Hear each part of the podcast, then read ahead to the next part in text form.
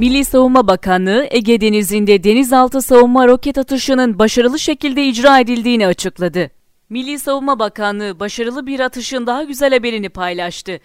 TCG Bodrum korvetimiz ile gerçekleştirilen denizaltı savunma roket atışı başarılı bir şekilde icra edildi.